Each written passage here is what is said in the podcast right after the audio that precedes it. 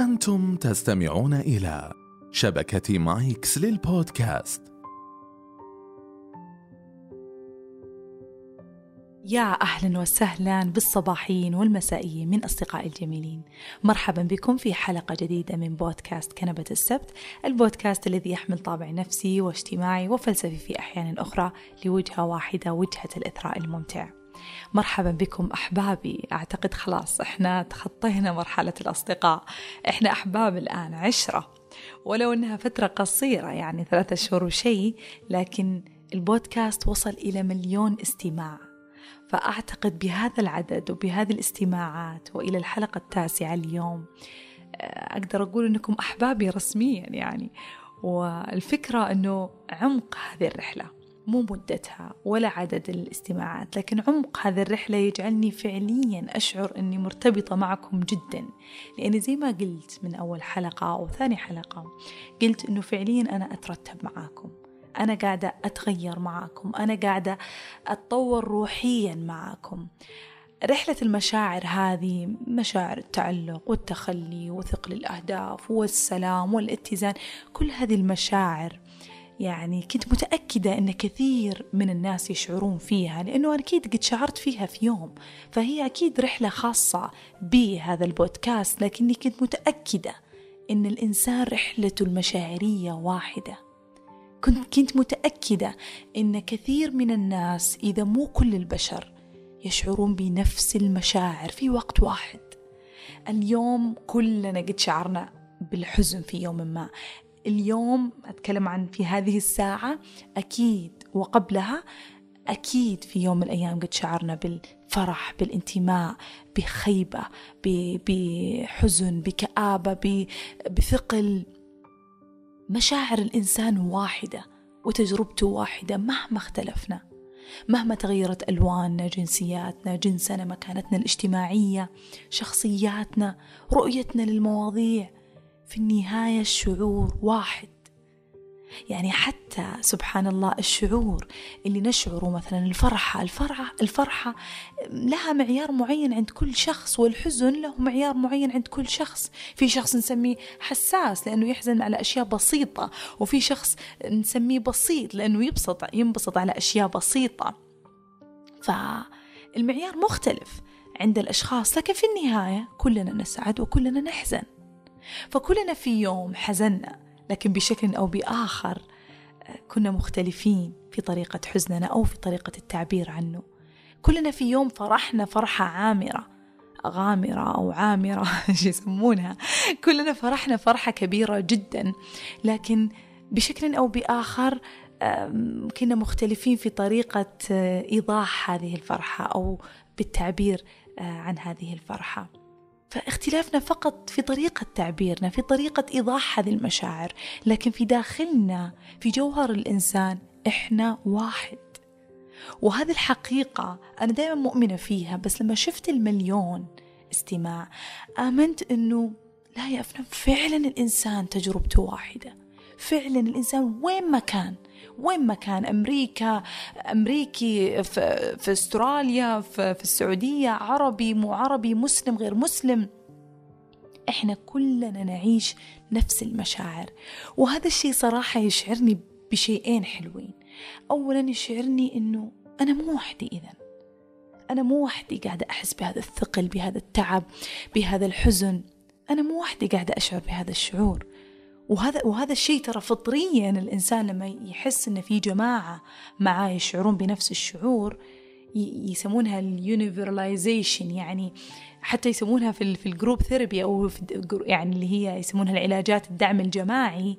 ليش مفيدة هذه العلاجات؟ لأن الواحد لما يجي في المكان ويشوف هذول ال group كامل زي شعوره يشعر بالراحة. فطريا كذا طبيعي يشعر بالراحة إنه مو هو اللي قاعد يقاسي لحاله. فهذا الشيء يعني كأول نقطة أسعدني جدا إنه okay okay صح فنان. إحنا مو لحالنا. إحنا مو لحالنا. أنت مو لحالك. إذا أنت اليوم تعبان إذا أنت حاسس بثقل إذا أنت منهار إذا أنت تايه أنت مو لحالك.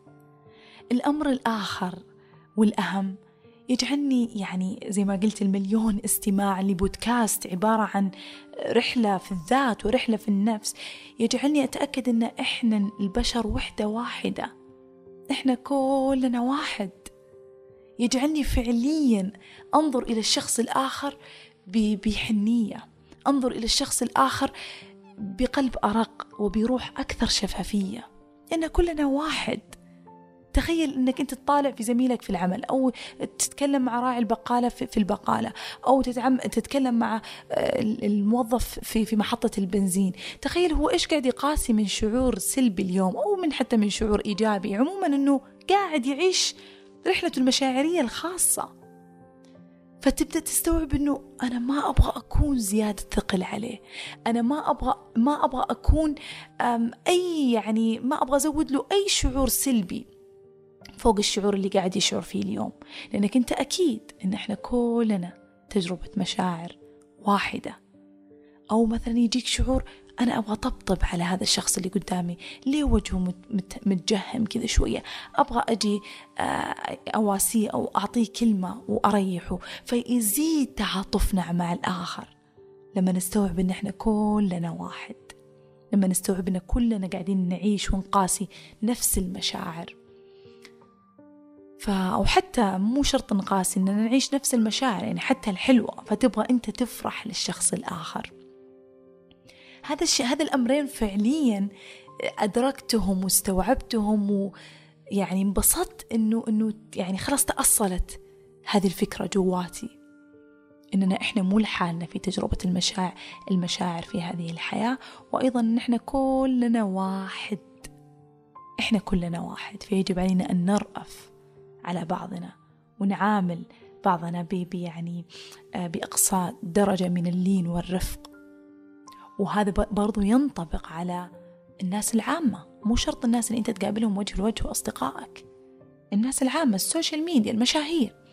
لما تشوف مشاهير وتجي طالع تقول والله هذا آه ما شاء الله مبسوط 24 ساعة. ولا وش ذول الكبل اللي ما يتضاربون؟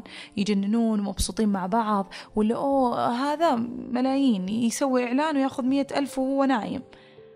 يبدأ الغب... الغبطة وتبدأ يبدأ الحسد. ولا كأن الشخص الآخر هذا إنسان مثلك ترى. عنده تجربة مشاعر مثلك. عنده قد قاس كل المشاعر أو قد عاش كل المشاعر اللي أنت قاعد تحس فيها. فيجب أن تتفهم وتفهم أن اللي خلف الشاشة هذا هو مثلك. هو إنسان وقاعد يشعر بمشاعر كثيرة الآن أنت ما تعرف هو في في أيها. إما أنه بيكون في مشاعر سعيدة جدا فحرام أنك تحطمها بكلمة.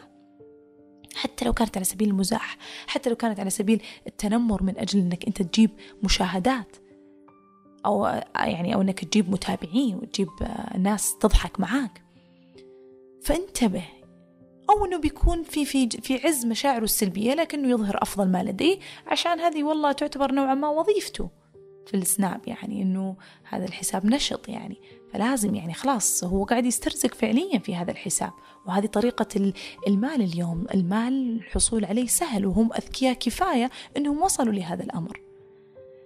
فتوقف عن هذا التفكير وعن هذا الحسد. حتى لو أنت تقول لا والله أنا ما أحسدهم بالعكس أنا بس أغبطهم والله. يعني لنفترض أننا نجيب الأمثلة للناس اللي مو تسب ولا تتنمر بس أنها تحب تتكلم على المشاهير أو الناس اللي في ال social media أو مو شرط حتى مشاهير الناس يعني العامة في ال social media وتجي تتكلم عليهم يعني بهذا السوء بس تقول لا والله أنا ما أحسد. أنا يعني ما أتمنى صراحة أن النعمة تروح منهم بس صراحة أغبطهم.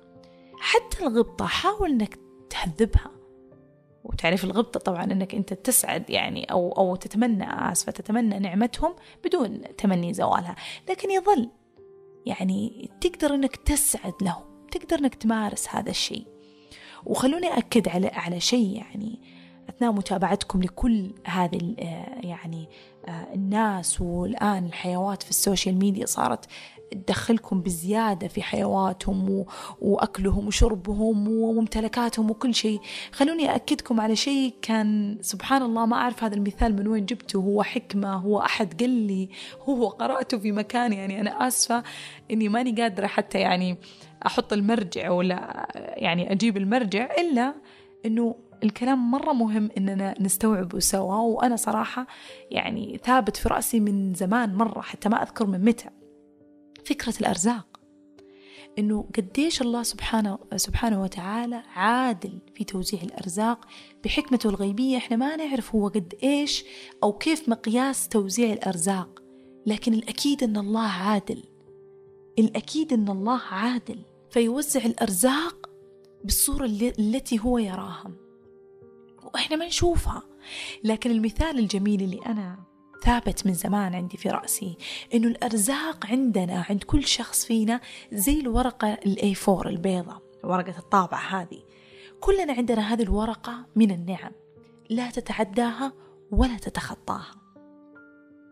الفرق بيننا هي الخطوط داخل هذه الورقة تقسيم الأرزاق.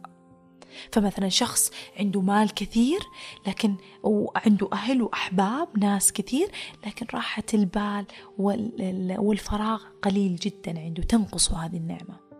إي نعم الفراغ نعمة. الرسول صلى الله عليه وسلم يقول آه، نعمتان مغبون عليها كثير من الناس الصحة والفراغ. فالفراغ سبحان الله سبحان الله فعلا نعمة. أنت ما حتستشعرها لما لما تكون في عز انشغالك. وعادة كل ما كثر مال الشخص يزداد الشغل فعلا يزداد العمل حتى يحافظ على هذا حتى يحافظ على هذا المال. فأنت ما تعرف وين بالضبط آه، يعني آه، أو إيش بالضبط هذه التقسيمة ومو لازم إنك تعرفها طبعا. يعني هذه سبحان الله حكمة الله في توزيع أرزاقه. لكن الفكرة تخليك تطمئن إن الله عادل. الله أعطاك شيء ما أعطى الشخص الآخر ترى. تأكد من هذا الشيء ولما أقول أقولها بهذه الطريقة أنا ما أبغاكم أنكم أنتم تطالعون في أي شخص مبسوط وتقولون أمم لا أكيد عنده شيء ناقص عادي relax relax أكيد عنده شيء ناقص. لا طبعا. لا تستخدم هذا الأسلوب بالعكس مارس السعادة من أجل الآخرين عشان الله يرى ما في قلبك ويرزقك أضعاف. فحب حب لنفسك ما ت... يعني حب لأخيك ما تحبه. ما تحبه لنفسك. حتى يرزقك الله أضعاف. ما سعدت من ما سعدت يعني من أجل هذاك الشخص. حيرزقك الله أضعاف. لأن الله عادل وأن الله كريم والله لطيف. فبس فكرة الأرزاق أبغاكم تتأكدون منها؟ حتى لا توقفون عند مشاهدة آه، كل الحيوات المفتوحة داخل ال social media وتندبون حظكم وتلطمون وتأكدوا أن الأرزاق سبحانه يعني تأتيك من حيث لا تحتسب. أولا إذا سعيت طبعا ودعيت. وثانيا هي موزعة بطريقة فيها عدل كبير جدا. أنت فقط استشعر ما لديك وبتستوعب قديش أنت مليان نعم. قديش أنت مزحوم وفي زحام من النعم. الحمد لله على كل ما أعطانا ما علمنا منه وما لم نعلم. لأن أحيانا فعليا أشياء كثيرة نجهلها, نجهلها. كثير من النعم ما نستوعبها إلا لما نفقدها. وقبل يعني أو يعني يعني طالما إن تكلمنا عن مشاهدة السوشيال المشاهير وإنك تلطم نفسك أو تلطم حظك وتزعل. وأحيانا تغضب إنه ليش أنا كذا حظي وليش أنا كذا وتبدأ تتابع أكثر وأكثر عشان تنرفز نفسك أكثر وتزعل من حياتك أكثر وتشاهد أكثر وتشوف هذول السعيدين وهذول المحظوظين وهذول الأغنياء وهذول الواسطين وهذول الناجحين ممكن توقف شوية وتواجه مشاعرك ممكن بدل ما تستنزف طاقتك في مشاهدة سعادة الآخرين ممكن تلتفت لشعورك السلبي؟ ممكن تلتفت لمشاعرك الناقصة؟ وتملأها وتعمل عليها وتزكيها وتنظفها؟ قد أفلح من زكاها. سبحانه الله قال إذا أنت زكيت نفسك رتبتها نظفتها صدقني بتنجح بتوصل. لكن إذا أنت قعدت تستنزف طاقتك في مشاهدة الآخرين ومشاهدة سعادتهم والتفكير كيف إن هذول سعداء والله ومؤامرة وهذول أصلا سراقين وهذول أصلا مدري وش وتبدأ تتكلم عن هذا وهذا. بدل ما تشغل نفسك بالآخرين اشغل نفسك بذاتك. ومن هذا المنبر من هذا المنبر كل شخص قاعد يسمعني في هذا البودكاست أنا متأكدة إنكم من هؤلاء الرائعين. اللي توقفتم عن مشاهدة الآخرين وفتحتم بودكاست له طابع نفسي واجتماعي حتى تصلحون ما بأنفسكم. ولذلك أنا أبغى أقول قديش أنا فخورة فيكم. قديش هنيئا لكم يعني هنيئا لكم بأنفسكم. أنكم فعليا وقفتم كل شيء واستقطعتم ساعة من يومكم وأحيانا أكثر. باستماع إلى بودكاست يصلح من ذواتكم أو يعرفكم على ذواتكم أو يدخلكم داخل أنفسكم. فهنيئا لكم بأنفسكم. أنا فعلا فخورة. على قد ما سعدت بعدد الاستماعات وعلى قد ما سعدت أنه أنا أخلق تأثير في سعادة أكثر وأكبر جت جواتي اللي هي سعادة قديش الناس بدأت فعليا تهتم بالعمل على نفسها. بدأت فعليا تؤمن أن العمل على نفسها حينعكس على واقعها بمجرد ما تغير ما في داخلها حيتغير العالم من حواليها. إن الله لا يغير ما بقوم حتى يغيروا ما بأنفسهم. ما في شيء من حولك حيتغير إذا ما غيرت داخلك. وكل اليوم في البودكاست هذا أنا فخورة فيكم بالفعل. قد لا أعرفكم شخص شخص لكن خلاص أعتقد الرابط الروحي بيننا كبير جدا يعني. رحلة عميقة إحنا نتكلم عن عمق الرحلة مو عن مدتها فرحلة عميقة سوا. فأنا متأكدة أنكم أشخاص رائعين. فقط بمجرد أنكم تفتحون بودكاست تفتحون فيديوهات تفتحون أي شيء يعرفكم على أنفسكم تفتحون ورقة وقلم تفتحون تعتزلون وقت بسيط من أجل أنفسكم. فهنيئا لكم بأنفسكم. اليوم حبيت يعني من أول حلقة إلى حلقة ثمانية تقريبا كان أغلب كلامي عن آه، يعني عن عن داخل النفس وما يرتبط بها من الخارج كشخص آخر كهدف. دائما كان في طرف آخر أتكلم عنه. اليوم أبغى أتكلم عن شعور صعب شعور الكثير زي ما قلت يعني الكثير منا عانى منه. الكثير منا عاشوا طبعا وبطبيعة الحال زي ما قلنا أنه, إنه كل المشاعر السلبية إحنا نعيشها حتى نعرف نقيضها الجميل حتى نعيش نقيضها الجميل. فأنا مستحيل أني أعرف الحزن مستحيل أعرف الفرح إذا ما عرفت الحزن مستحيل أعيش الأمان إذا ما فهمت إيش يعني الخوف. فكل المشاعر السلبية وجدت حتى نستشعر ونستوعب وندرك ونقدر فعليا نشعر بالمشاعر الإيجابية أو الأشياء الجميلة النقيضة للمشاعر السلبية. ففعليا فعليا أمر المؤمن كله خير. حديث الرسول صلى الله عليه وسلم عجبا لأمر المؤمن إن أمره كله خير وليس ذلك لأحد إلا للمؤمن. إن أصابته سراء شكر فكان خيرا له وإن أصابته ضراء صبر فكان خيرا له. ففعليا أمر المؤمن كله خير. أي ضراء تحصل لك بالتأكيد هي من أجل أن تشعر بالسعادة من بعدها بالفرج من بعدها. أنا أعرف أنه وقت المصيبة أو وقت الزعل أو وقت الضيق من الصعب أني أجي أقول لك ترى صدقني خيرة خير. أحيانا في ناس كثير أنا منهم أنزعج في نصف الزعلة حقتي أو في بداية تلقية للصدمة. يجي أحد يقول صدقني لعلها خيرة. في البداية أنا أبغى أعيش شعور الغضب أبغى أعيش شعور الزعل لكن هذا المنطق سيكون بيكون معايا. بيكون معايا. أهم شيء أنه عشان كذا أنا أقوله الآن عشان إحنا نضعه في رأسنا كفكرة وكإيمان روحاني كبير حتى تخف علينا الصدمات في الحياة حتى تخف علينا المشاعر الصعبة.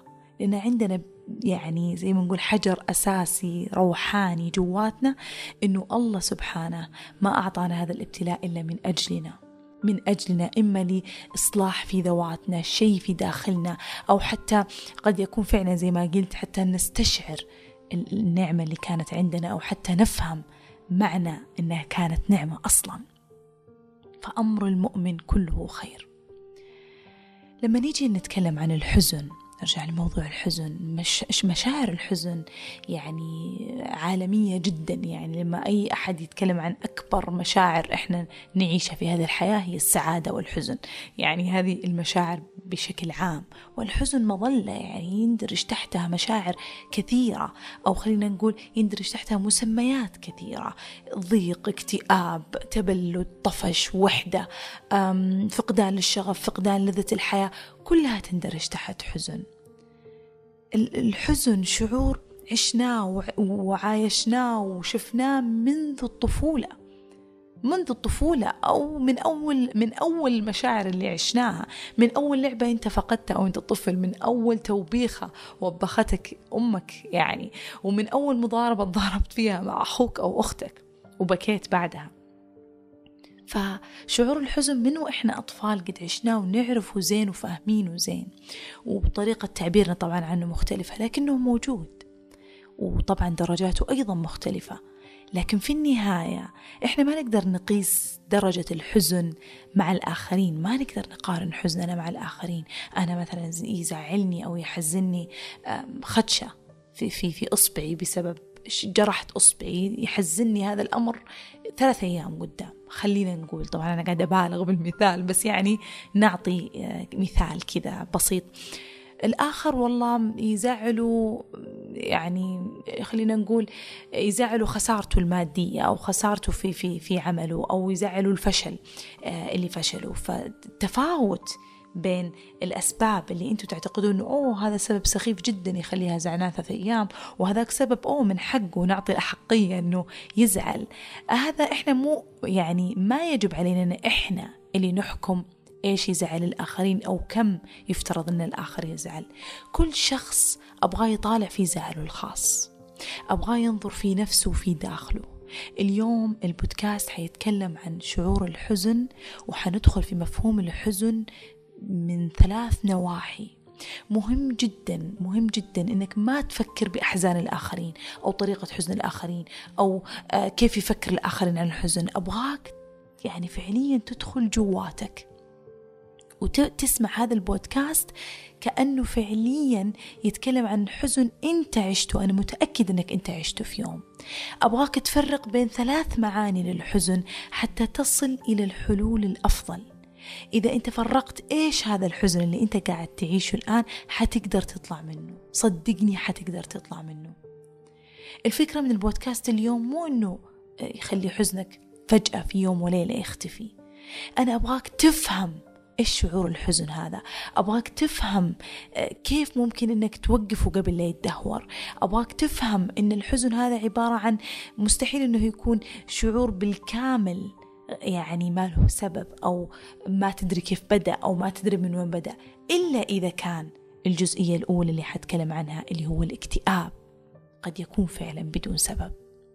فأول شيء بنتكلم الحزن تحته ثلاث مفاهيم كبيرة ممكن نحن نعيشها نعيش بشعور الحزن بسببها. أول شيء اللي هو الاكتئاب كمرض حنتكلم عنه. بعدها حنتكلم عن شيء أسميه الحزن العابر. لازم نفرق بينه وبين الاكتئاب. والشيء الأخير اللي هو الانطفاء. حنتكلم عن جزء جزء لازم فعليا في هذا البودكاست تجيبون ورقة وقلم وتقعدون معايا وتكتبون كلمة كلمة أكتبها من بعد هذه الدقيقة. لأنه أنت حتكون طبيب نفسك.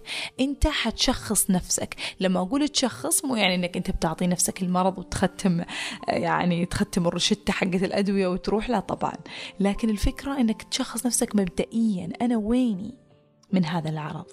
لأن زي ما قلت كلمة حزن كبيرة جدا. إحنا لازم نضع مفاهيم ومعايير ونضع كذا زي الخريطة الذهنية اللي بتكتبونها معي الآن حتى تعرف كيف توجه نفسك للحلول بعد بعد إدراكك لحجم المشكلة وأيضا لحجم الشعور وحقيقته. فخلونا نبدأ أول شيء بشعور الاكتئاب. إيش هو الاكتئاب؟ كثير كثير يجوني إنه أفنان ما أدري هل أنا فيني اكتئاب ولا لا هل, هل أنا أحتاج أروح طبيب أم لا؟ أولا شكرا لسؤالك. شكرا لاهتمامك بنفسك. شكرا لأنك أنت عارف أنه ممكن تأخيرك يسبب لك مشكلة. شكرا لأنك أنت ما قدرت تصبر أنك تعيش في شعور زي كذا وتبغى فعلا تشعر بشعور جيد. لأن في ناس كثيرة ترى توصل لمرحلة يأس وتتوقف عن طلب المساعدة. فشكرا أنك قاعد تسألني اليوم أنا ححاول أجاوب حيكون أجوبة عامة. يعني كل اللي بقوله الآن مو شرط تكون مئة بالمئة تشبه حالتك لكن زي ما قلت كتشخيص مبدئي كشيء فقط يوجهك إلى حجم وحقيقة الشعور اللي أنت تشعره. مرض الاكتئاب هو مرض كبير لكنه مو مستحيل علاجه زي ما يشاع عنه. هو مرض حقيقي بأعراض وعلم درس يعني أبحاث حتى وضع تحت اسم مرض. أبحاث كثيرة. ويا رب لك الحمد. وجد العلاج له.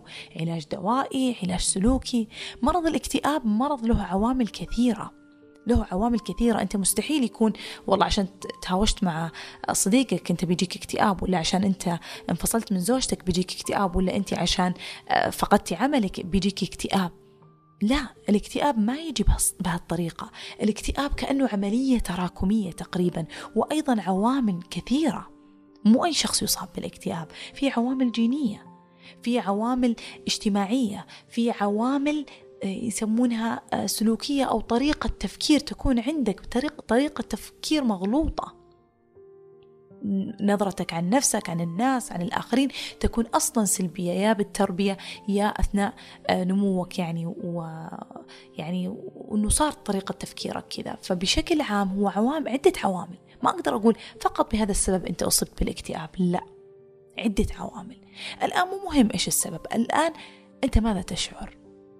الاكتئاب هو لازم يكون خمس أعراض أو أكثر لمدة أسبوعين متتالية. وأقول لك متتالية يعني ما في يوم منهم راحت الأعراض هذه. كذا أنت مبدئيا تقول لا أنا فيني اكتئاب وأنا لازم أزور طبيب نفسي الآن قبل لا يتدهور الأمر. الخمسة الأعراض لازم عرضين منهم لازم عرض منهم يكون إما فقدان الشغف أو الشعور بالحزن. خلونا نفسر فقدان الشغف. فقدان الشغف هو الأشياء اللي كنت تحب تسويها مو شرط شغفك يعني هوايتك مثلا تحب تكتب ولا تحب تعزف ولا تحب آه، تخيطين ولا تحب whatever لا مو شرط. عادي الشغف في الحياة. يعني مثلا أنت تحب تشاهد Netflix آه، والله قعدت اليوم وأنت تطالع تحس ما في شعور. ما قاعد تحس بالوناسة. ما قاعد تستمتع وأنت قاعد تشاهد Netflix هذا فقدان للشغف فإما أنك أنت ما بتستطيع أصلا تطالع ما بتستطيع أصلا تسوي الشيء اللي كنت تحب تسويه أو أنك تسويه بدون شعور بدون روح في هذا العمل اللي أنت كنت تسعد فيه وكان يبسطك فعلا. هذا هو فقدان الشغف. الأمر الآخر اللي هو الشعور بالحزن الشعور بالضيقة في كتمة في شعور ما تدري إيش فيك جواتك تحس إن فيك غصة فيك غصة تحس إن البكية في حلقك. دائما يوصفونها كذا يقولون نحس بغصة في حلقنا. فتحس ان في شعور إنك تبغى تبكي. بس ما أنت عارف ليش هذا الشعور جايك. يمكن تجيك أسباب كثير في رأسك أفكار سلبية بس ما أنت قادر تحدد. أنت حاس بحزن وبس هذا العرضين مهمة جدا من الخمس الأعراض عشان تشخص بالاكتئاب. واحد منهم على الأقل لازم يكون من الخمسة الأعراض. أما الأعراض الباقية تشعر مثلا إنك فاقد لتركيزك ما عاد تقدر تركز ما عاد تقدر تحفظ. فجأة تشعر إنك آه، مرة ثقيلة حركتك. تشعر إنك كسلان جدا عن فعل أي شيء. تشعر بخمول في جسمك. تشعر في زيادة في الشهية أو نقصان في الشهية. زيادة في النوم أو قلة في النوم. وأخيرا قد تشعر حتى بأنك لا ترغب آه، بالموت آه، لا ترغب آسفة بالحياة وترغب بالموت. مو شرط أنك تفكر بالانتحار. طبعا هي ممكن يصل إلى هذا الحد لكن أحيانا تصل في البداية هذه اعتبرها ريد فلاج اعتبرها علامة يجب عليك أنك أن تكون يقظ تجاه نفسك لما أنت تقول يا ليتني أموت وأرتاح. هذه الكلمة مو بسهلة. ولو سمعتوها من أصدقائكم أو من أخوانكم أو من أخواتكم أو من أهلكم أو أحد تعز يعني يعز عليكم اسألوه أكثر. استفهموا منه أكثر اسمعوا منه أكثر. أنقذوه قبل لا يتدهور الأمر. إنك تتمنى الموت هذا عرض كبير جدا. عرض كبير جدا. فكل هذه الأعراض واحيانا بعد في عرض آخر إنك تشعر مثلا إنك إنك لا تعني شيء في هذه الحياة أو إن الحياة لا تعني شيء وأنت أصلا وورثلس بلا قيمة أنت. كل هذه الأعراض إذا جتك منها خمسة وزي ما قلت لكم لازم يكون من هذه الخمسة فقدان الشغف أو الشعور بالحزن ولمدة أسبوعين متتالية بلا توقف إذا أنت هنا stop أوقف وقفة وروح للطبيب الآن. الآن تكلم طبيب. تليفون الآن صار في تطبيقات أونلاين الآن صار في عيادات بالتليفون في عيادات خاصة في عيادات حكومية. الآن صار الوصول للأطباء النفسيين يعني صار أسهل بكثير. فلا تنتظر. لا تنتظر. روح لطبيب. الطبيب حيشخصك حيعطيك علاجات. دوائية سلوكية حيوصلك لبر الأمان بإذن الله. خلوني أكد لكم على شيء في العلاج الاكتئاب كثير وصلت شائعات. أنه الاكتئاب ما له علاج. رحنا عند أطباء نفسيين ما فادنا وأنا واحد يكتب قصته في ثريد في تويتر يقول أنا كذا وكذا وأنا عانيت وسويت وحطيت وأروح وما في فايدة وآخذ وما في فايدة. فالجميع يأخذ هذه الصورة السلبية عن الأطباء النفسيين أو عن الطب النفسي أو عن الاكتئاب حتى ويشعر بالعجز. واليأس من العلاج أو حتى من آه، الذهاب للعلاج والبدء بالعلاج.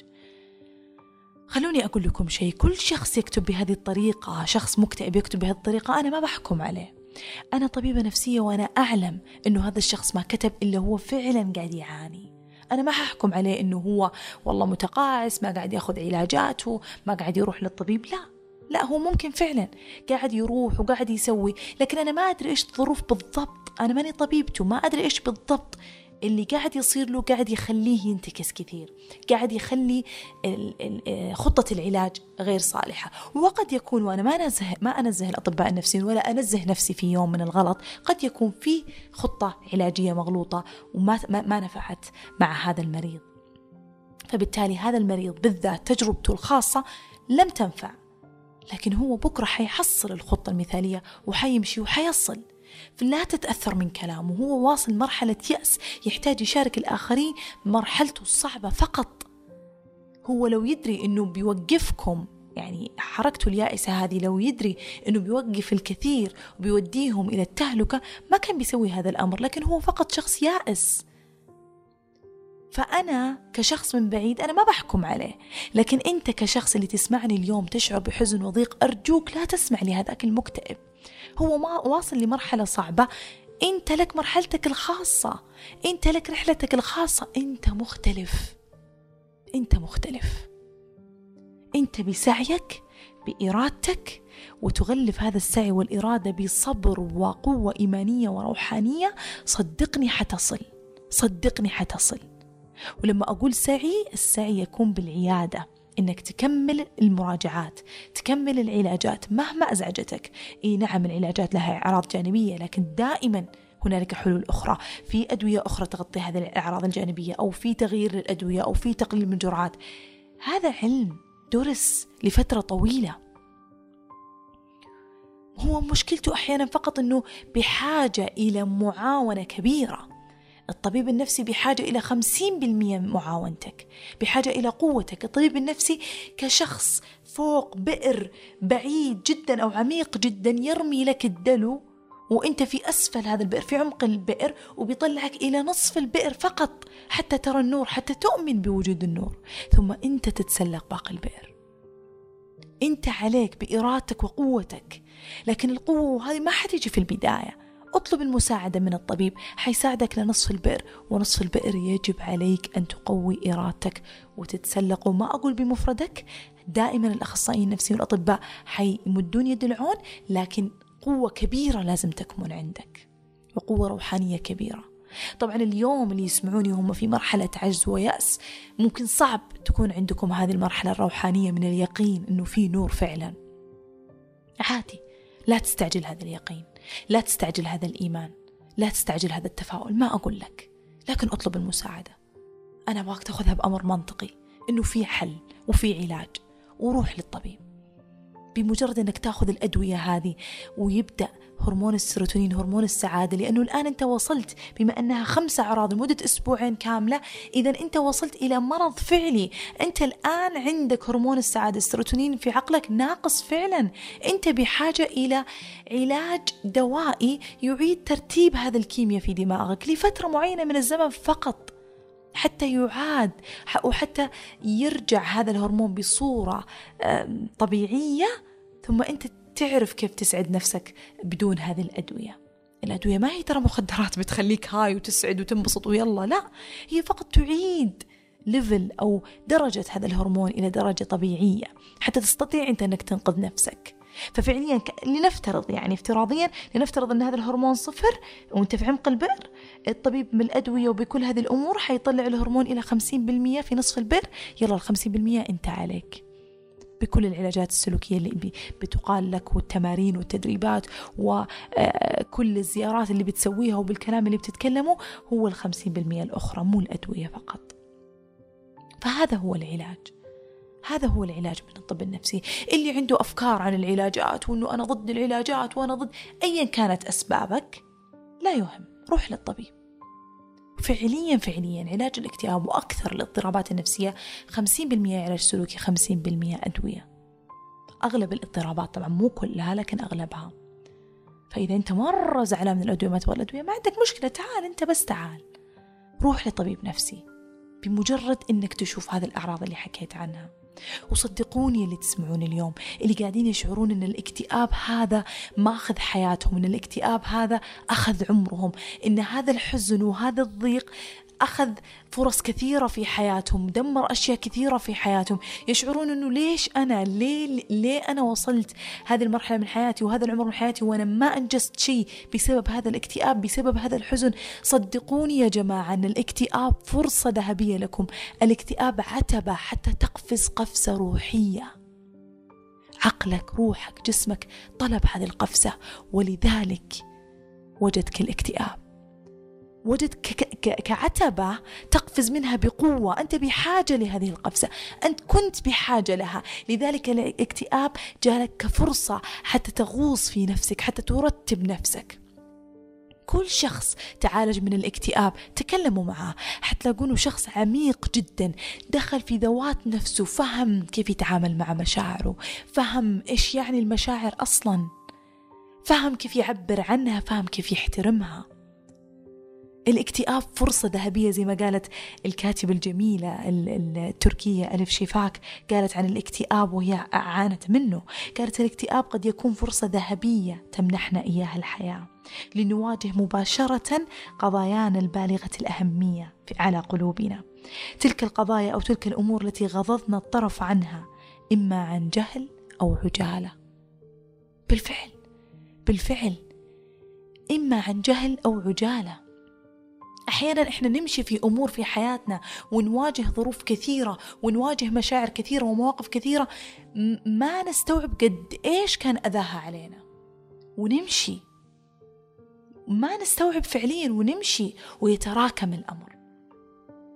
وعن عجالة في هذا العصر بالذات وفي هذا الفئة العمرية بالذات العشرينات أنت عندك كل شيء لازم تحتاج تسويه حتى الثلاثينات. عندك كل شيء لازم تسويه لازم تكون شاطر في عملك لازم تكون شاطر في دراستك لازم يعني يكون عندك آه، المال الخاص أو تتوفر المال الخاص بك. تبغى تكون مستقل تبغى تكون بين أحبابك تبغى تكون علاقة حب تبغى تبني عائلة تبغى تسوي كل شيء. أنت في زمن مستعجل ومجتمع يضغطك ويتوقع منك الكثير وأنت تركض وتركض وتركض فجأة تلاقي نفسك في هاوية. أنت في هاوية لأنك غضضت الطرف عن كثير. من المشاكل والقضايا البالغة الأهمية على قلبك وروحك. كل الأمور الملموسة أو المنطقية والعملية والعلمية هي اللي كنت تركز فيها بينما قلبك وروحك لفترة طويلة أنت قاعد تركض عنه قاعد تمشي عنه. الآن أنت في هاوية. اليوم إحنا ما نبغى نأنب نفسنا على المشاعر السلبية هذه أو على زي ما قلت الاكتئاب اللي إحنا فيه. الآن إحنا فهمنا إيش يعني اكتئاب.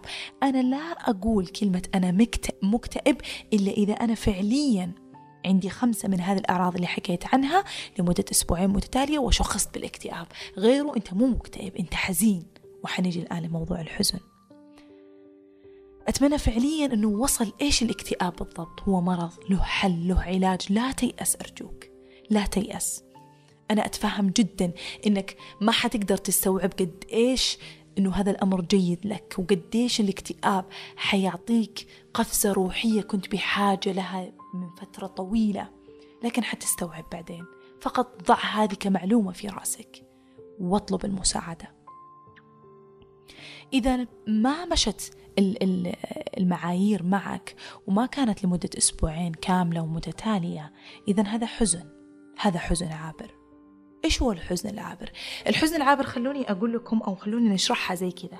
لما تقوم يوم من الأيام وتحصل نفسك آه تحصل نفسك مو قادر يعني مو قادر تتعايش مع المشاعر السلبية اللي داخلك. فجأة تشعر أنك بضيق تشعر أنك مكتوم. ممكن فعلا في شعور الغصة هذه أيضا. تحس إنه ما لك خلق تداوم تحس إنه ما لك خلق تسوي شيء في شعور داخلك ما انت عارف من وين واحيانا ممكن تعرف السبب بس على الأغلب ما تدري إيش هذا الشعور. يعني أو مثلا تقول بسبب الشيء ذاك لا لا مستحيل مستحيل هذاك الشيء لا إيش فيني أنا زعلان كذا؟ إيش فيني أنا متضايق؟ خلاص مالي خلق أشوف أحد ومالي خلق مدري إيش وما لي خلق أسوي شيء طبعا في هذه اللحظة أرجوك أرجوك لا تدفن هذا الشعور. أرجوك لا تهرب من هذا الشعور بأنه خلاص بروح الجيم عشان أغير جو. آه، خلاص بكلم صديقتي أطلع معاها وأرتاح. بطلع مع صديقي وأطلع وأنبسط وأنسى. أرجوك لا تهرب من هذا الشعور. أرجوك. واجهوا شوية. صدقوني بتتغير حياتكم إلى أفضل. لو سمع لو لو يعني مشيتوا مع هذا الموضوع. إنك ما تتجاهل أي شعور حزين يجيك. صدقني روحك جسدك عقلك قلبك ما يشعر بشيء إلا هو يبغى يفرغه ما يشعر بشيء إلا هو صادق وحس فيه. لا لا تجلد نفسك إنه أوه لا لا شكلي أنا مرة حساس بزيادة. أيوه وش فيها الحساسية؟ الحساسية قوة الحساسية اتصال مع النفس. أي شخص يقول لك أنت شخص حساس قول اي نعم أنا حساس. أنا مبسوط بحساسيتي. صفة الحساسية صفة الحساسية والشفافية مع النفس تجعلك أقوى عاطفيا ترى. إذا أنت هذبتها وعرفت كيف فعليا تروضها. وهذا الترويض يكون بأنك تقف عند مشاعرك عند كل شعور سلبي يجيك تقف وتشعر وتفضفضه وتفرغه وتطلعه وتفضفض فيه وتتكلم فيه. لما يطلع ويتنظف تحلله. ليش أنا حصل كذا؟ ليش صار كذا؟ خلونا نبدأ خطوة خطوة. أنت قمت اليوم. تمام؟ وشعرت إنك أنت زعلان متضايق فيك غصة فيك ضيق من عارف إيش السبب وجاك شعور إنه أشكلي أطلع وما أطلع. لا لا لا وقف. لا تطلع ولا تسوي ولا شيء. أبغاك تفرغ الشعور السلبي هذا حتى لو ما تعرف سببه. فرغه تبغى تفرغه ببكى تبغى تفرغه تبغى تفرغه بورقة وقلم تبغى تفرغه بنوم والله بنام اليوم كامل. تبغى تفرغه بإنك تطلب إجازة الإجازة من حقك. صدقوني نفسكم أهم. نفسكم أهم من أي عمل. نفسكم أهم من أي أحد. ليش أقول هذا ليش أقول كذا؟ أنا ما أقولها بطريقة أنانية. ما أقول والله إذا أنت طبيب أترك مرضاك في المستشفى ولا إذا أنت صاحب شركة أترك موظفينك في الشركة ولا أنت صاحب بزنس أترك عملك يسقط. لا. لكن خذ إجازة لأنه من حقك كل ما قويت أنت وكل ما اهتميت بصحتك النفسية كل ما كان عطائك للآخرين أكبر. فأنت كل ما اهتميت بنفسك صدقني أنت شخص معطاء لأنك أنت تبغى تقوى من أجل الآخرين مو من أجل نفسك فقط. فبمجرد ما يجيك هذا الشعور السلبي أول شيء تصنعه. ابكي. فرغ طريق أنت وحزنك. أنت كيف تعبر عن حزنك سو ومو لازم بكى بورقة وقلم بفضفضة ب... ب... زي ما قلت بنوم بأنك تشاهد عشرين مسلسل ورا بعض وما تسوي ولا شيء اللي يريحك. لا تستعجل في تحليل الشعور. في البداية حرره بمجرد ما تحرر الشعور حتلاقي نفسك تسأل ليش أنا حسيت بكذا؟ ليش الشعور هذا جاني؟ هنا بتبدأ التساؤلات هنا فعليا اجلس مع نفسك جلسة ليه هذا الشعور جاني؟ ليه اليوم أنا متضايق وش صار أمس؟ وش صار قبل أمس؟ حقق مع نفسك في الغرفة. طبعا أنتم الحين تضحكوا بتقولون وش دعوة؟ والله لو أمسك كل شعور سلبي كان أنا طول اليوم في الغرفة كان أنا كل يومين في الغرفة. اي إيش المشكلة؟ إيش المشكلة؟ إحنا قاعد نقضي ساعات الساعات وإحنا نتابع حياة الناس الآخرين في ال social media سواء تويتر سناب أو غيره. ليش ما أقضي مع نفسي ساعة ساعتين كل يومين؟ إيش المشكلة؟ أيوة كل شعور سلبي حقعد مع نفسي وأفصفصه. إيش المشكلة؟ هذا لصالحك. هذا لصالحك لأنه في كل مرة أنت تفرغ الشعور الشعور الحزين هذا أنت قاعد تكسر كرة الثلج. اللي قاعدة تتراكم. شفت كرة الثلج من فوق الجبل الجليدي إلى آخره؟ تنزل تنزل يكبر تكبر تكبر تكبر الكورة. تكبر تكبر. لين تسقط عليك حتغمك. لو أنت ما وقفتها في النص حتغمك حتكتمك. المشاعر السلبية بالضبط زي كرة الثلج. أنت تعتقد إنك تخلصت منها لما طلعت مع أصحابك ولا لما طلعت الجيم لكن في الحقيقة هي لا زالت جواتك لا زالت متراكمة داخلك. انت ما فرغت الحزن ولا حللته وطلعته من جواتك. انت حتى ما عرفت نفسك انت ما عرفت إيش اللي يزعلك انت ما فهمت نفسك حتى. فإيوه ليش تتركه؟ ليش تترك الأمر؟ إيوه أقعد كل مرة وفصفص الأمر. أصلا مع الوقت بتبدأ تبدأ تفهم نفسك وقت شعور الحزن نفسه وتبدأ تواجه الشعور من وقته قبل لا تقوم فجأة وتلاقي نفسك حزين أصلا. فاختصروا الأمر على نفسكم. حتى أنتم في هذا العمر في عمر الشباب من الآن اعرفوا كيف تواجهون مشاعركم السلبية. إحنا مستحيل نقدر نوقف المشاعر السلبية إنها تجينا. مستحيل. الحياة مليانة فوضى مليانة أشياء صعبة ومليانة ظروف. لكن إحنا سهل علينا أن نعرف كيف نتعامل مع هذه المشاعر السلبية. بأننا نفرغها؟ نعطي نفسنا الوقت حتى لو أحيانا تصل يومين. أنت ما تعرف إيش فيك بس تبغى تعيش الحزن تبغى تعيش هذا الشعور الغريب. إي عادي يقول والله أنا منفس هاليومين أهم شيء أنك تنتبه ما تكون طبعا وقح مع الآخرين فقط عشان نفسك. فتقولي وأنا منعزل أنا نفسية أبغى يومين أرتاح. بعدين أشوف إيش الموضوع. بعد يومين يبدأ شعور أنك أبغى أحلل بعد يوم يومين على حسب طبعا زي ما قلت لكم كل شخص مختلف كل شخص يعرف نفسه. تبدأ تحلل الموضوع. أنا ليش صار لي كذا؟ حاول تتذكر. إيش صار في الأيام السابقة؟ إيش صارت المواقف؟ تذكر قعدت مع مين؟ إيش صار؟ ما عرفت مرة؟ اسأل شخص مقرب منك. شخص أكيد عندك صديق معك على طول في الخط أو عندك أخ أو أخت. إذا ما عندك مرة هنا يجي دور المختصين. أخصائي نفسي أخصائي اجتماعي لايف كوتش وإلى آخره. كل هؤلاء وظيفتهم وجدت من أجلك من أجلك. هم في النهاية ينتظرونك تيجي تتكلم معاهم ترى. فإذا ما عندك أشخاص قريبين زي ما قلت إلجأ للمساعدة. لأن هذا الحوار حق تحليل الشعور هو عبارة عن كل شيء. إذا أنت ما لقيت إيش اللي يزعلك آه، مساعدة الآخرين لك فيه وإيجاد هذا الشعور هو كل شيء.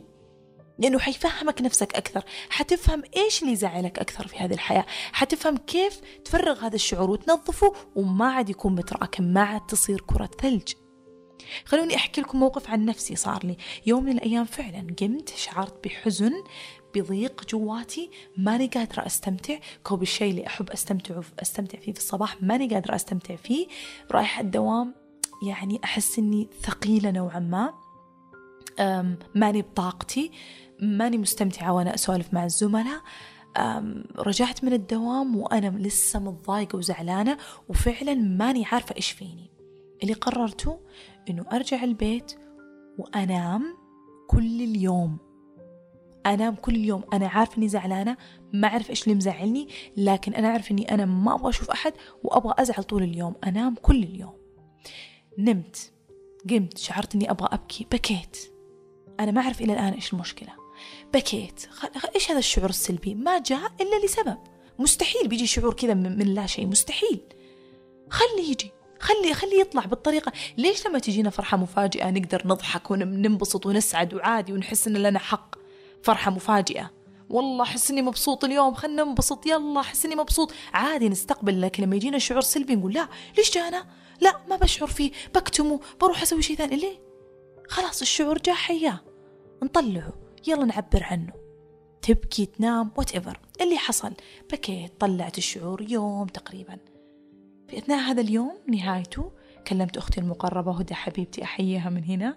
طبعا هدى آه، أحب أشكرها في هذه الحلقة. للأبد لازم أعطي كذا فاصل في النص. أحب أشكر هدى أختي جدا على كل شيء تسوي لي وأحب أشكرها على وقفتها معي في هذا البودكاست بالذات. ما في حلقة أسجلها بدون ما أكلم هدى أختي وساعة من العصف الذهني ومجرد ما أسكر منها أنط على المايك وألتهمه يعني. ف لولا الله ثم هي يعني ما كان ما كان بودكاست كلمة السبت حيكون بهذه الجودة. فشكرا لها ومن لا يشكر الناس لا يشكر الله. ف... وشكرا طبعا لكل أحبابي الآخرين دعمهم المعنوي والمادي وكل شيء. آه نرجع لموضوعنا. كلمت هدى حبيبتي فكلمتها إنه هدى أنا أحس إنه كذا وكذا ما أدري إيش فيني وما فصرنا نتكلم نتكلم نتكلم. هذا الكلام توصلنا فيه إنه هدى قالت أفنان يمكن الموقف الفلاني الفلاني حسيتي فيه أنت كذا وكذا؟ بمجرد ما قالت الموقف يا جماعة أنا الدموع أربع أربع بكيت بكيت الموقف على طول. كان بكاء إدراك كان بكاء راحة إنه فعلا هو هذاك. بكاء إنه يا الله ليش ما سمحت نفسي إني أزعل منه هذاك الوقت؟ وطبعا التفسير لهذا الأمر أنه في الموقف هذاك اللي حصل وفي الحديث هذاك اللي حصل نفسي وداخلي سوت وسيلة دفاعية فعليا في, في علم النفس.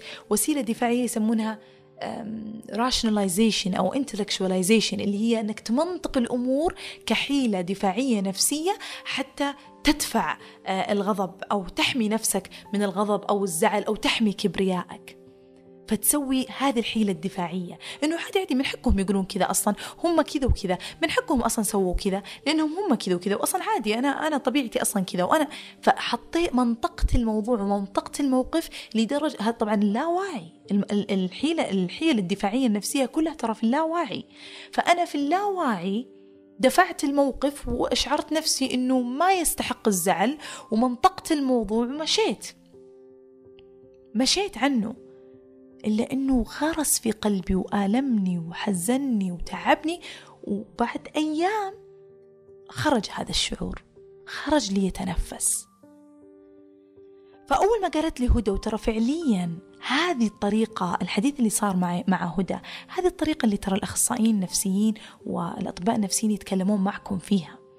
لا لا يعتقد الواحد أن الجلسات النفسية وال والجلسة مع الطبيب النفسي عبارة عن فضفضة. إنك بس تسولف زي لما تسولف مع صديقك. لا هي هي فعليا يطلعون المواقف ويفهمونك إيش الحيل الدفاعية النفسية اللي أنت كنت عايشها ويعلمونك كيف إنك تطلع منها وكيف تفهم الموقف بصورة أخرى فتفرغ الشعور. طبعا أكيد أن العمليات أعقد من كذا داخل الجلسة النفسية لكن بس أبغى أقول لكم أنه في أمور كثيرة داخل الجلسات النفسية.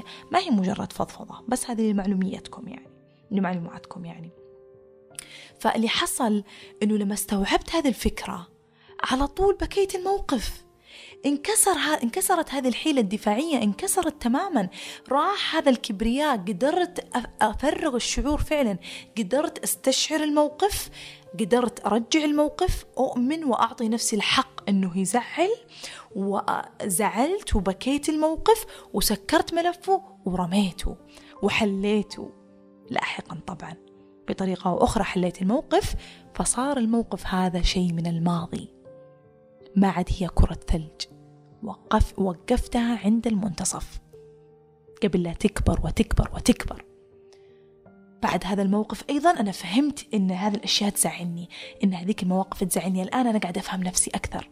بكرة حيلي الدفاعية النفسية حتكون أقل. لأن اللاواعي حقي شغال يعرف إيش قاعد يزعله الآن. فعشان كذا التعرف على المشاعر السلبية لما تجيكم أهم بكثير من أنكم تكبتونها بالطلعات والخرجات وأنك تكلم صديقك وتكلمين صديقتك وتنبسطون خلينا ننبسط. لا كلمها فضفض. إيه خلك نكدي؟ خلك نفسية. معلش هذا دور الأصدقاء.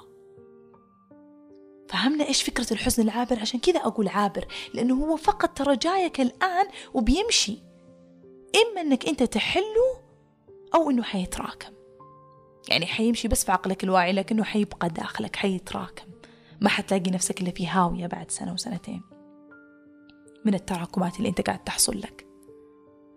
فتفسير وتعبير المشاعر السلبية هو شيء لصالحك شيء لصالحك. فتوقف عيش الشعور؟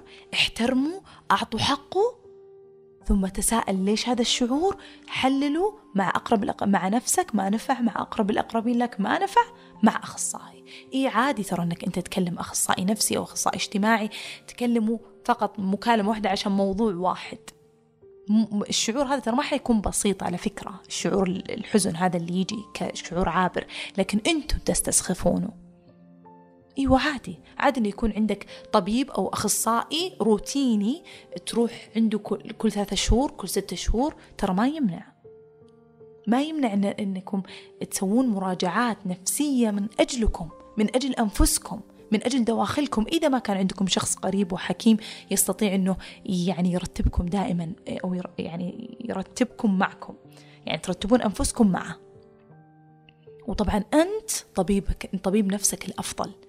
كل ما قعدت مع نفسك أكثر بقلم ورقة وأخذت نفسك عزلة وقت في وقت معين في الأسبوع أو في وقت معين في اليوم حتلاقي نفسك تفهم نفسك أكثر وأكثر كل يوم. إذا فهمنا إحنا الفرق بين الاكتئاب وبين الحزن العابر. الاكتئاب له معايير ولمدة أسبوعين متتالية.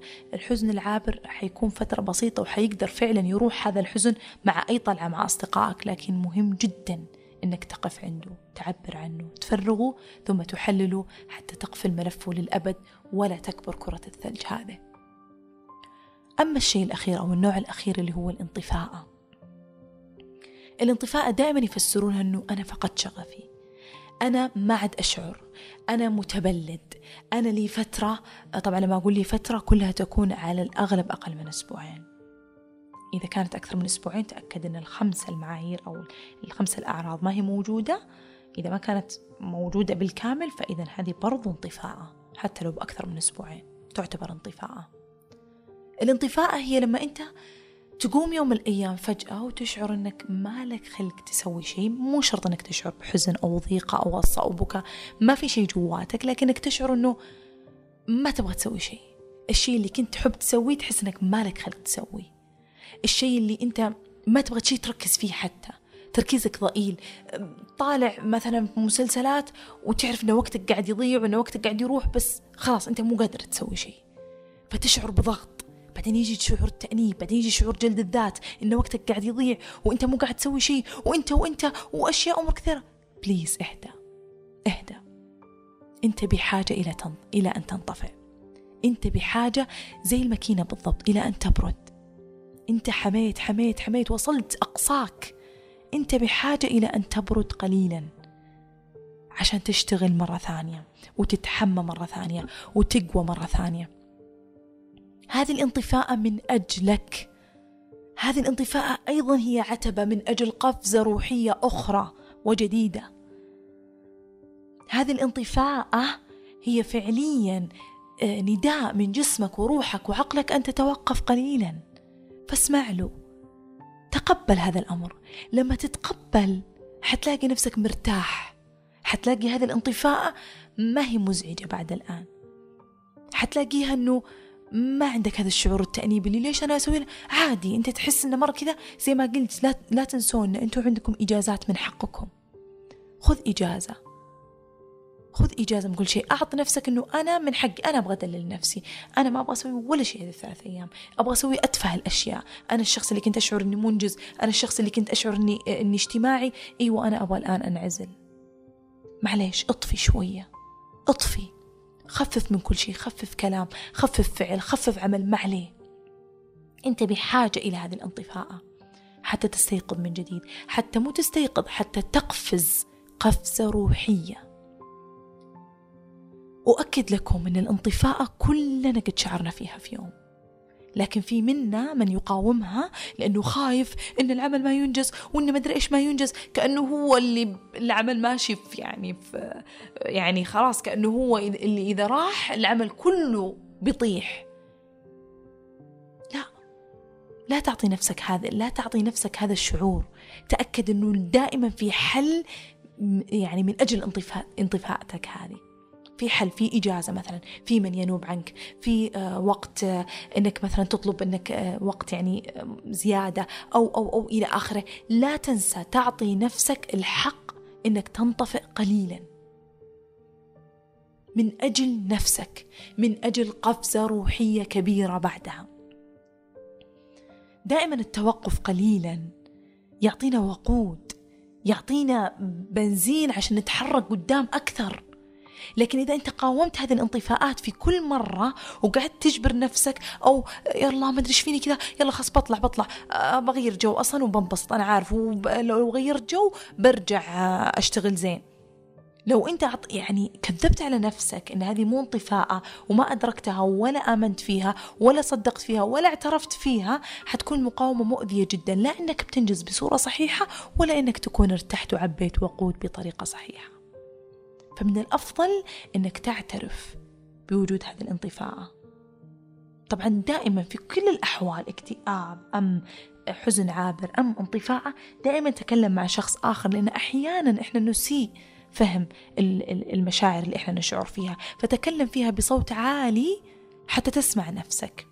حتى ما تظلم نفسك إنك تضعف في انطفاء وأنت أصلا في حزن أو تضع نفسك في حزن وأنت في انطفاء مع إنه أعتقد إني وضحت الفارق بينهم. وضحت الفارق بينهم بشكل جيد. وأتمنى أنكم فعلا قاعدين تكتبون معي بقلم ورقة. لأنه حاولت قدر الإمكان أفرق بين هذه المشاعر لأن كلنا قد مرينا فيها والجميع دائما يجي يتكلم أفنان أنا أشعر بكذا أنا أشعر بكذا أنا أشعر كذا. فكان لازم أن نضع هذه المشاعر وفق معايير معينة حتى نصل لتعريف معين بداخلنا ثم نصل لحلول بعدها. والحلول أعتقد أنه أنا حكيت عنها كلها في النهاية واحدة أنك أنت تقريبا واحدة تفرغ هذا الشعور ثم تطلب المساعدة حتى تحلل هذا الشعور ثم تعترف بهذا الشعور اللي شعرت فيه وتواجه المشكلة اللي حصلت وسببت لك هذا الشعور.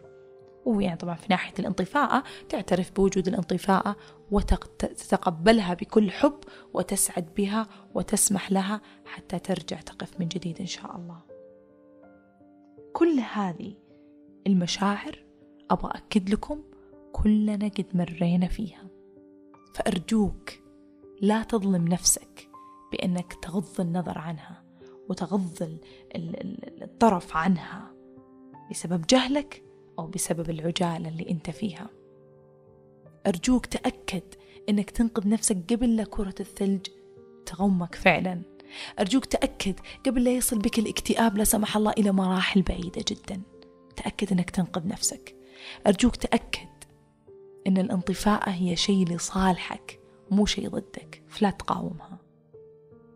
أتمنى فعليا أني وصلت مفهوم الحزن بصورة واضحة فهم يعني فهمنا مع بعض إيش الفروقات بين الاكتئاب بين الحزن العابر بين الانطفاء وقد يكون هنالك أمور أخرى نذكرها لاحقا لكن هذه من أهم الأمور تحت مظلة الحزن اللي دائما كنت أبغى أتكلم عنها.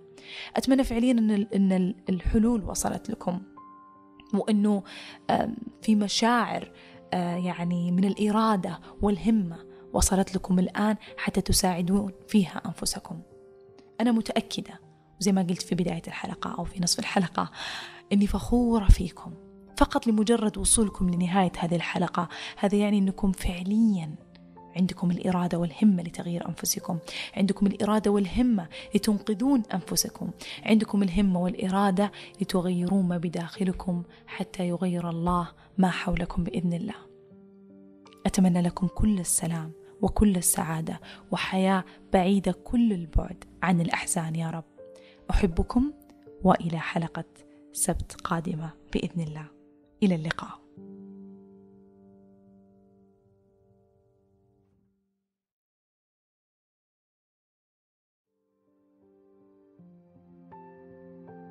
أتمنى تكون الحلقة أفادتكم بالفعل واستمتعتم فيها. شاركوا كل أشخاصكم اللي تعتقدون أيضا أنهم ممكن يستفيدوا من هذه الحلقة. لا تنسون تقيمونها أيضا ولا تنسون تضعون كل التعليقات الجميلة اللي تزرع في قلبي ورود وأزهار. وأيضا لا تنسون تنزلون تطبيق لبي بمجرد احتياجكم للمساعدة. إلى سبت قادم وإلى اللقاء.